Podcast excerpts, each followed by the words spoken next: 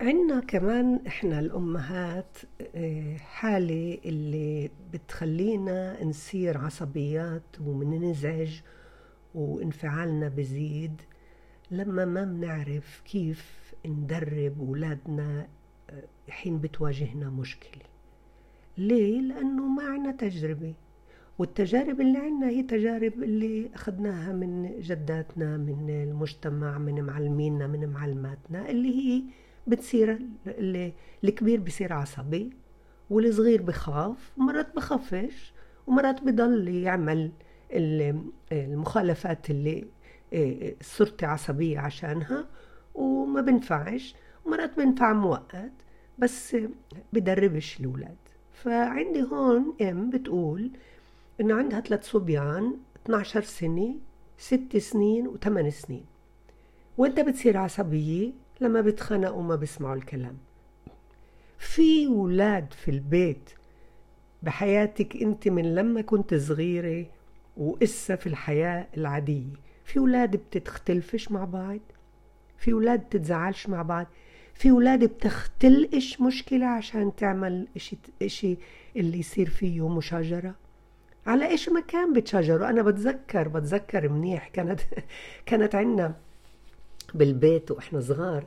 إحنا كنا خمس أولاد وكانت الماما تعملنا مرات هيك كعكة.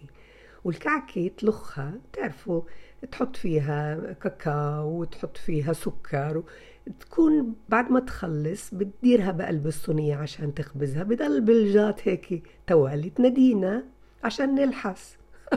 هيك كان وإحنا صغار.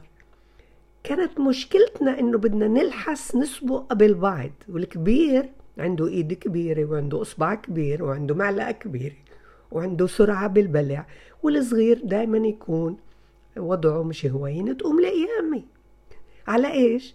على إنه نادتنا عشان نلحس.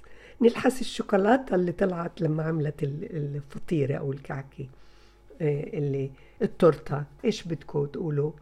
إيه، إيه، هذا سبب للقتال وللشجار؟ كان سبب. مرات كتير الملل سبب. مرات كتير حالة عند واحد اللي هو متضايق من شيء خارج عن نطاق تربيتك ماما بس طلع عقله وتحشر في حدا تحركش بحدا قاهر حدا.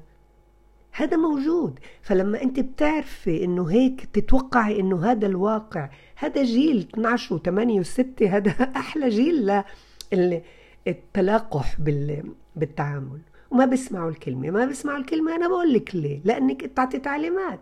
خلاص لو أنت وبعدين معكو والتعليمات تبعتنا بتكون بصيغة الجماعة مش بالمفرد. يعني أنت مش شايفة إنك أنت بتحكي للكل. وبما إنك بتحكي للكل هذا مش إلي. تذكريها هاي أنت وأنت صغيرة كمان. لما كان حدا كبير مثلا خلينا أنطيكم مثلا لما كان المعلم يفوت على الصف. أنتوا صف مش مؤدب. أنتوا ولاد تستحقوش كل واحد منا كان يحس إنه هذا الإشي مش له شخصي. يعني أنا مش واقع بهاي الإهانة لحالي. وبعدين ليش أنا تني أحس بهاي الإهانة؟ ليه أنا إذا مش أنا السبب مثلا؟ ليش هي وقفت علي؟ بدي يكون غيري. فاذا النتيجة اللي أنا أعطيتك فيها أمثلة هي إنه تعرفي إنه هذا إشي طبيعي يصير في البيت. ولما طبيعي ياي تريحتي. إسا الطريقة الأسلوب. عندك ابن 12 سنة في عنده أسلوب غير شكل عن الثمانية وغير شكل عن الستة. 12 بقدر أقعد معنا معه لحالنا بجلسة فردية أمدحه بكل سلوك مستحب وأم فيه. وهذا كتير مهم إنك تعمليه يومي تثبتي دوام. ليه؟ لحتى ترفعي له تقديره الذاتي ولحتى يصير عنده رصيد معك. فلما يشوفك شوي عينيك مش مرتاحة بركض لحتى إنه يخليك تكوني مرتاحة. ليه؟ لأنه هو إياك بنيته بناتكو آه علاقة جميلة ومش حيط. طريقتك عم تبني حيطان بينك وبين أولادك. الطريقة اللي أنا ضعتك إياها إسا هي بتخلي العلاقة تصير حميمية. بصير أستحي منك ماما. بصير أحب ألبي لك أكون عند حسن ظنك. بصير ماما لما أعرف إنه هذا إشي مضايقك بصير ما أعملوش. مش لأنك أنت قاعدة بتنبهيني ولا لأنك قاعدة بتتعصبني ولا لأنك عم تتفري لأنك عمالك بتشوفي تميزي. وهذا كتير مهم. لابن الستة أقفز عن الثمانية شوي وأرجع له بعدين. ابن الستة بكيف على الدراما. تعال شوف يا كشكش كشكش يا كشكش انتبهت؟ شفت كيف قال لي من فضلك؟ كشكش يا كشكش فوت على اوضته وشوف ما ارتب اوضته انت انتبهت انه لما أنا قمت بدي اشتغل بالمطبخ وقف يساعدني؟ هذا أسلوب الدراما اللي فيه تتفوقي فيه على البطل على حدا حتى لو حكيتي مع الجماد مع العوعو مع البيسة مع الشجرة مع مع التيتا. تيتا غايبة مش موجودة. لما تيجي تيتا تعالي شوفي شو عمل. وتفوقي فيه بإنك انت شايفة تميز واوعك تكذبي أوعك تألفي أوعك تقولي إشياء ما عملهاش. قولي إشياء عملها. هسه كتير أمهات بتيجي تقول لي إلهام. ما فيش. فكري وقفي ركزي شوي. بتلاقي مية. بس انت بتنتبهيش. إحنا هيك تربينا ننتبه للإشياء الغير مستحبة. إحنا بننتقد. إحنا بيعجبناش إحنا بنشوف حدا اللي لابس حلو بندور له على اشي اللي ننتقده فيه. صوته مش حلو كندرته مش حلوة. المهم ننتقد. وهذا إحنا لازم نوقفه لحتى إنه نصير نربي جيل اللي نبني بناء إحنا وياه رصيد. رصيد يعني يصير في بيناتنا علاقة عاطفية فيها احترام متبادل محبة مش بالحكي. مش بالمحاضرة أغلبكم بيقولوا كيف بده يصير يعرف القيم كيف بده يصير يعرف شكرا ومتأسف ماما ويعرف يتعامل؟ بشوفك وبشوف بابا كيف بتعامل مع خاله بشوفك وبشوف بابا كيف بتعامل مع أبوه. كيف نتعامل هذا إحنا الأطفال بتقلدوا تخافوش على القيم يا عمي. خافوا على سلوككم إذا كان مش مثل أعلى مش نموذج. لأنه الأطفال بتقلد السلوك بتقلد الألفاظ. أما الدافع الداخلي في إنه يكون إنسان حساس هادي مسؤول هذا بس بإنك أنت بتلاحظي ماما وبتقولي لي وبتشكريني وبتحترميني. صار في بيني وبينك علاقة عاطفية ورصيد. ابن الثمان سنين ممكن ينفع معه أسلوب الست سنين بأنه تعال شوف ويمكن يحب يقلد ابن 12 فبتقعدي معه لحاله كمان. جلسة فردية بتساعده بتساعده كتير. هو بعده عايش بين الواقع والخيال الواسع يعني بحب الدراما.